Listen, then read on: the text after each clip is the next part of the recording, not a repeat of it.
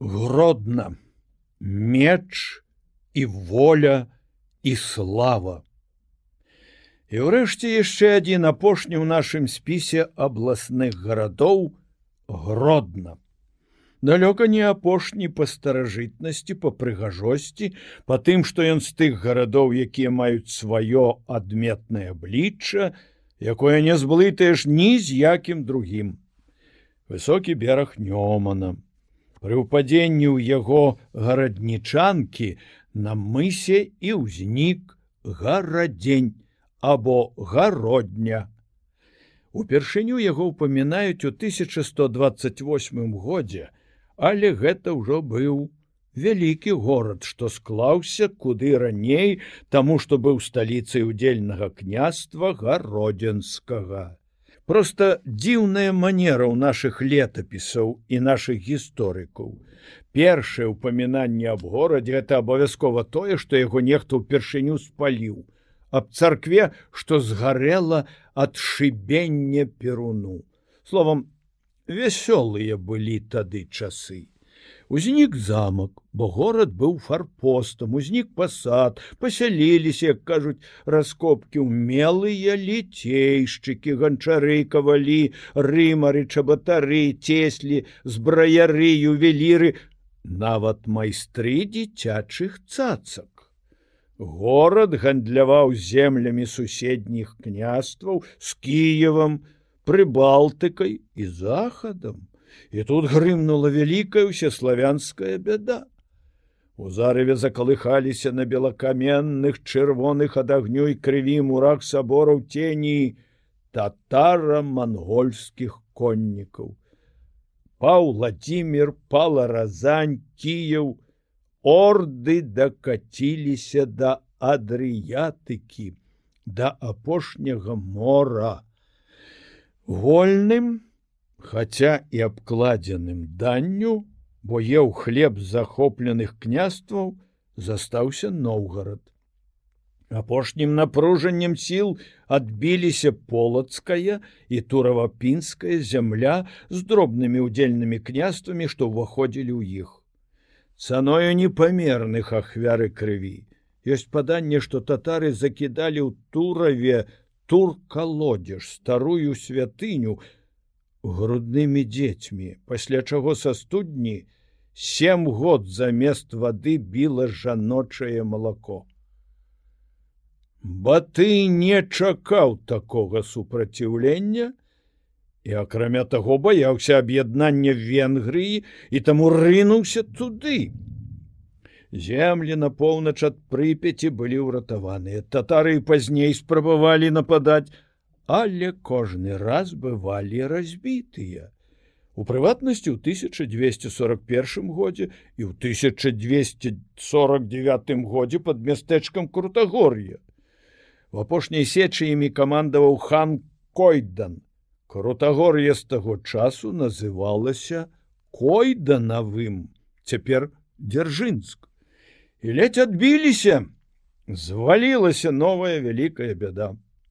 У 1230 годзе Конрад Мазавецкі запрасіў на межы сваіх зямель з прусамі тэўтонскі ордэн. Меч пагражаў цяпер з другога боку. Яшчэ больш жудасны, без літасці сумлення. У гродземскім музеі захоўваецца двухручны меч з надпісам па старанямецкаму: Пі кроў прусы паступова гінулі под ударамі ордэнцаў. Праз некаторы час, калі апошні прускі спявак спяваў перад натоўпам песні народнай мове, яго ўжо ніхто не разумеў. Рыцары, рагочучы, далі яму ўзнагароду. Некалькі десяткаў арэхаў свістуноў з дзіркай пустых. Такі самы лёс, пагражаў і нам беларусам. Гродня стаяла на юру. На яе першую падалі ўдары. 1284 годзе яна была нават спустошана.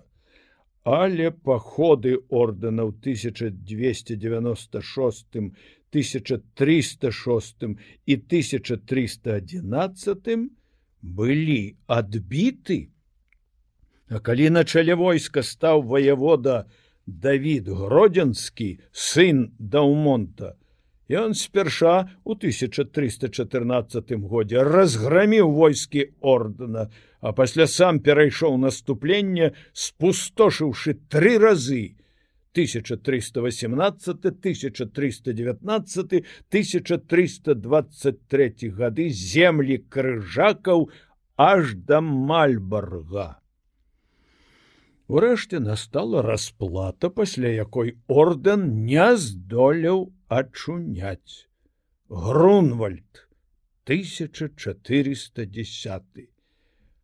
Удзельнічалі польскія палкі, літоўскія, это значыць палкі княства, а сярод іх палкі берасцейскі, валкавыскі, лідскі, наваградскі, слонімскі, гародзінскі і шмат іншых, чэшскія часці і палкі, што ўваходзілі ў сферу смаленшчыны. Захад яе ўсходнія беларускія землі, полац квіцеп з крычам сціслаў магілёў і гэтак далей. Камандаваў імі сціслаўскі князь Юры. Гэта была бітва неймаверная па колькасці войска ордэн меў 83 тысячи воінаў славяне з літоўцамі 163 тысячи. Калі мы ўлічым тагачасную маланаселенасць зямлі калі даведаемся што ў лядовым пабоішчы рыцараў было забіта 500 а ў палон взято 50 чалавек і значыць іх аніяк не магло быць больш як тысяча паўтары ды пару тысяч кнехтаў чудзі ўлічыць што ноўгарадцы выставілі супраць васіля цёмнага 5000 чалавек раць веліка вельмі сказаў летапісец калі ведаць што ў суздальскім баі з васілём цёмным было толькі паўтары тысячи войск хаця з ім былі князі мажайскі вярэйскі і серпухаўскі практычна ўсе сілы маскоўскага княства без шамякі тады грунвальд не можа не здзіўляць. Перавага нямецкіх сіл так перавага не здзіўляйцеся бо рыцар сваіх меланскіх ці нюрнбергскіх даспехах быў практычна недасяжны і каштаваў трох воінаў, а многія з нашага боку былі ў скураных панцырах, узброеныя дзідамі, доўбнямі, цапамі і рагацінамі, нават у вяровачных шлемах, якія баранілі ад мяча, а не ад стралы і пікі не помогла ім? 15 тысяч узялі ў палон больш 40 тысяч разам з вялікім магістрам юнгенгенам забілі! У сечы гэтай гродзенскі полк быў большы за ўсе беларускія палкі. Король стэфан баторый пабудаваў тут новы замак які перабудаваны збярогся і сёння У ім выключны па багацці пазнавальнасці вельмі ўмела пабудаваны музей. Будавалі замак мясцовыя майстры. Гродзенскія будаўнікі цаніліся высока. Яны працавалі нават у вільні, варшаве, Маскве. Існавалі багатыя цэхі збраяроў, кавалёў, разбяроў, мечнікаў і іншыя гады рэлігійнай барацьбы. Э, я яшчэ раскажу про гэта. Шмат пашкодзілі гораду.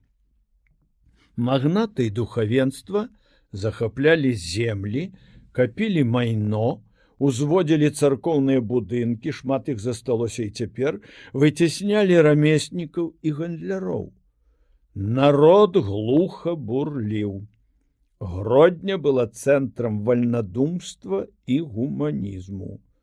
Выдаваліся 1567 год брашуры, у якіх адмаўлялася ўлада, схвалялася свабода веры, агульнасць маёмасці, прапаведавалася аддзяленне касцёла ад дзяржавы, гаварылася, што розніцы не павінна быць між каралём і народам, шляхтай і плебеямі У гродні жыў беларускі філосаф атэіст кашпар бекеш. Царкоўнікі адмовіліся яго хаваць памёр у 1530 годзе і сябры яго пахавалі ў вільні і напісалі на камені яго ж словы: Не хачу прызнаваць Бога, пекла не баюся, не непакоюся аб целе і не болей аб душы, Яна разам са мною памерла. Народ адкрыта бунтаваў аж да вольных узброеных атрадаў, а потым, як паўсюль, упадак феадалізму, капітал паўстання 1863 года, якое грымела на гродзеншчыне асабліва моцна, рэвалюцыя і акупацыйны рэжым, зноў барацьба, зноў рабунак з боку паноў беспрацоўе адмаўленне нават у праве на мову. Забастоўкі ўспыхвалі і ў гродні. 1936 годзе. На ўсіх прадпрыемствах. І 1939 год. А пасля зноў вайна партызаншчына подполля звычайная гісторыя незвычайнага беларускага горада па вуліцах якога мы зараз і пойдзем. Давайте на гэты раз пачнём ад сучаснай прамысловасці. На правым беразе нёмана блізка да цэнтра горада высяцца карпусы тонка суконнага комбіната у іншыя рэспублікі адсюль адпраўляюць амаль 20 відаў ваўняных тканін. Гродзенская бавоўна-прадзільная фабрыка. Гэта баваўняная пража для трыкатажных і ткацкіх фабрык у 1969 годзе дасягнула праектнай магутнасці 11250 тонн. Ёсць у гродні два скураныя заводы і абутковая фабрыка. Шмат харчовых прадпрыемстваў цыгареты папяросы адпраўляюць адсюль амаль у 140 гарадоў ссср робяць тут добрую мэблю шкло і іншыя тавары нітка дашаўскага газаправода прыводзіць урэшце да самага галоўнага гродзенскага прадпрыемства гродзенскага хімічнага камбіната створанага ў 1970 годзе на базе азотна-тукавага і капралактамавага заводаў. Калі вы угнойваеце аміячнай салетрай калгасны лён, кветнік под сваімі вокнамі, Магчыма, што яна гродзенская. Калі бацькі вашы на ферме падгадоўваюць худобу кармамідам мачавінай, сінтэтычным рэчывам, што змяшчае азот, кармабіт можа быць гродзенскай вытворчасці. Ну яшчэ аміячная вада, таксама ўгнаенне толькі вадкая і серная кіслата і азотная кіслата і капралалак там, з якога робяць капронавае валакно. Існуе тут завод карданных валаў. Калі ёсць у вас знаёмы шафёр вялікагрузнай машыны тыпу маскра зіл і ў яго здарылася няшчасце, паляцеў карданны вал, можете быць упэўнены, што ваш вадзіцель заменіць яго валам з горада на нёманем что яшчэ ну скажем заводы аўтамабільных агрэгатаў гандлёвага машынабудавання горад бурна расце а значыць яму неабходна вытворчасць будаўнічых матэрыялаў Таму ўзнікаюць заводы зборнага жалезабетону, жалезабетонных канструкцый, буйны, дома будаўнічы камбінат. Або давайте прагледзім шлях ствола дрэва. Вось яго прывезлі на гродзенскі дрэваапрацоўчы камбінат, пасля прадукцыю камбіната на мэблевую фабрыку. І ў новым доме з'яўляецца гродзенская мэбля. а ў дзіцячым кутку цацкі з гродзенскай фабрыкі. Як бачыце, амаль усё сваё. У горадзе добра збераглася старая частка з вузкімі вуліцамі і сівымі мурамі. Горад зялёны, тут большым ва ўсіх беларускіх гарадах плюшчу і вінаграду на сценах. Вуліцы старога горада разбягаюцца радыусамі, з-за муроў глядзяць купы дрэў і ў іхняй зелені вельмі прыгожа выглядае чырвоная чарапіца, абмытая дажджом. Тут ёсць што паглядзець. Ад доміка, дзе жыла славутая польская пісьменніца Эліза Ажешка і да старажытных будынін. У горадзе адзіны ў рэспубліцы зоапарк. Пабудову вялізнага сучаснага парку ў мінску яшчэ толькі праектуюць, якому каля 50 год. Заснаваў яго фактычна гродзенскі аматар прыроды, кахановскі. Зараз у ім каля 150 відаў жывёл. Ну і давайте паблукаем по старым горадзе бо тут як нідзе збеглася гэтая самая старажытнасць геній наших продкаў. У цэнтры горада як я казаў будынак не самы стары Гэта замак баторыю, якім зараз музей. Больш як 100 тысяч экспанатаў. У бібліятэцы больш за 25 тысяч кніг. У экспазіцыі працы даўніх майстроў побыт наших продкаў старыя кнігі, манеты 16-17 стагоддзяў, граматы 16 18 стагоддзяў, зброя 14 19 стагоддзяў, унікальная мэбля, партрэты, этнаграфія, археалагічныя экспанаты. Тут можна хадзіць гадзінамі і глядзець то на трохсотгадовае крэсла з рэльефам, крыху карыкатурным панскай п'янкі выразанай на спінцы, то на прадметы побыту першанасельнікаў, то нават на кубак агінскага, дядзькі славутага аўтара паланезу, які таксама быў кампазітарам і ў дататак да таго, вялікім літоўскім гетманам. На ганку музея гарматы ў свой час потопленыя Петром першым, калі ён вымушан быў адступаць ад гродна.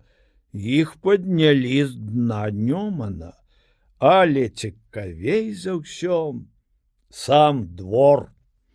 Яго і замак абкружае яр зарослы волатамі дрэвамі. Праз яр у браму вядзе скляпеністы мост. Па краі стромы што аддзяляе двор ад днёмана рэшткі муроў старога яшчэ вітаўтавага замка. Цяжкія брылы нічым не ўпрыгожанага каменем і тут жа под каўпакамі два збудаванні, якія наводзяць на роздум. Рэшткі прыдворнай ніжняй царквы, першай каменнай пабудовы гародні, цёмныя, глыбока пагружаныя ў зямлю. І курная хата, якую руплівым працаўнікам музея ўдалося недзе адшукаць і перавесці сюды.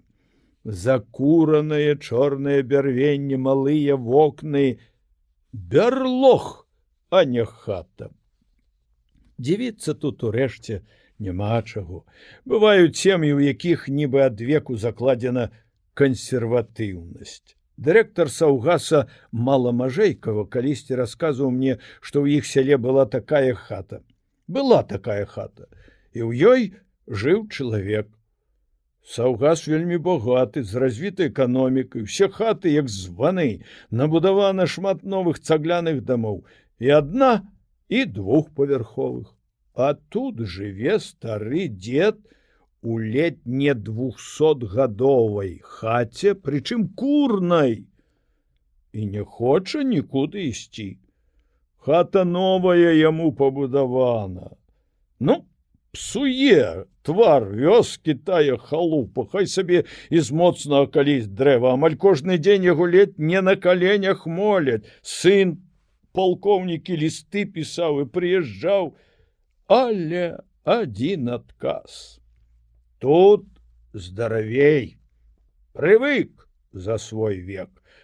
А як толькі заходжу новую, у мяне адразу галава пачынае балець. Тады дырэктар у глыбокай тайне дамовіўся з трактарыстам, каб той у час, калі дзеда не будзе ў хаце, незнарок зачапіў трактарам рог. Той зачапіў, ненаўмысна дед даль бог выпадкова ну каб мне вочы вылезлі незнарок. Ну вось вось ось грошы на! Грошы ясна былі дырэктаравы дед кляў так что палова вёскі сабралася. Зачапіў каб цябе так за рэбры чаплялі! Знёс каб цябе так з машинай тваёй з моста знесла! Села хата на кут каб цябе так на покут ніколі не садзілі і толькі раз галавою паклалі! Ну і гэтак далей таямніцу яму адкрылі толькі тады калі ён не толькі прывык да новай хаты але і нахваліцца ёю не мог. Тут трэба дарэчы заўважыць што но яшчэ да параўнання нядаўняга часу на беларусі лаянкі амаль не ведалі а замест яе існавалі вось такія кленічы бывалі такія майстры імправізатары, што і не хацеў бы спыніся паслухаць сварку. Вынаходлівасць у параўнаннях незвычайная. Калі глянуць замчышча ўніз па плыні нёманам, убачыш за гараднічанкай над стромай маленькую цэркаўку, шатах векавых дрэў. Тры сценкі яе каменныя, а тая, што над днёманам драўляная. Чацвёртая сцяна была пашкоджана ў войнах сярэднявякоўя, пасля ў шведскую вайну, а пасля ў час не бывала высокай паводкі, упала з падмытым берагам у раку. Бераг умацавалі, а сцяну зрабілі драўляную. Гэты будынак адзін з найвялікшых шэдэўраў дойлідства старажытных славян. Калоская царква. 12 стагоддзя мы здымалі фільм, увайшлі ўнутр нічога. Цесны ход на неіснуючыя хоры, белыя муры і ў іх плямы, галаснікоў з баноў умураваных укладку. Для рэзанансу. Я ўспомніў летапісны факт, што калі царкву пабудавалі, гародзінцы попрасілі дазволу пагукаць і пасвістаць у ёй ці галасна. Свістаць я не стаў, бо свістаць у 800гадовых будынках это забыцца на сумленне вырашыў праспяваць нешта старое і заспяваў на цвярдыню тваю мы ўпаваем у мяне звычайны голас як кажуць някепскі для сярэдняга больш менш верны хіба што але тут ён гучаў так что ва ўсіх аж мурашки по спіне побеглі нібы той шаляпін. А что было б каб тут заспяваў ён? Галасна. Ой галасна. Здымаць было цяжкам бо з дрэва якраз сонечны бок будынка, а на каменныя бакі сонца падае толькі ў доўгія дні на захадзе. Кладка муроў тут незвычайна раскошная, у іх устаўлены плоскай формы рознакаляровыя валуны, зялёныя, чырвоныя з палосамі, густа-карычневай сіні, всякія. І яшчэ ромбы, квадраты, крыжы з маёлікі Каб змыць пыл і зрабіць больш бліскучай паверхню, мы аблілі муры вадой, і тут на іх упала сонца. Што тут было? На маёліцы і валунах успыхнули оранжевые, ружовые, чырвоныя, зеленавата-сінія туманныя вясёлкі. Перад намі стаяла нешта, што было сто крат яскравей паўліна. Каменная райская птушка. І ўся яна нібы зыбілася, зіхацела, плыла ў паветры, выцягвалася ў неба.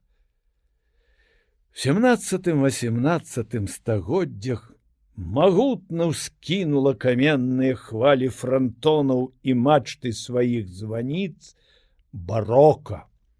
Той, хто не бачыў гродзенскага фарнага комплекса манастыра, брыгітак або францысканскага касцёла за нёманам, уяўленне таго ад нашага захаду заўсёды будзе непоўнае, а лямус, драўляны будынак 17 стагоддзя ў двары брігітак першы паверх для маёмасці другі інтэрнат.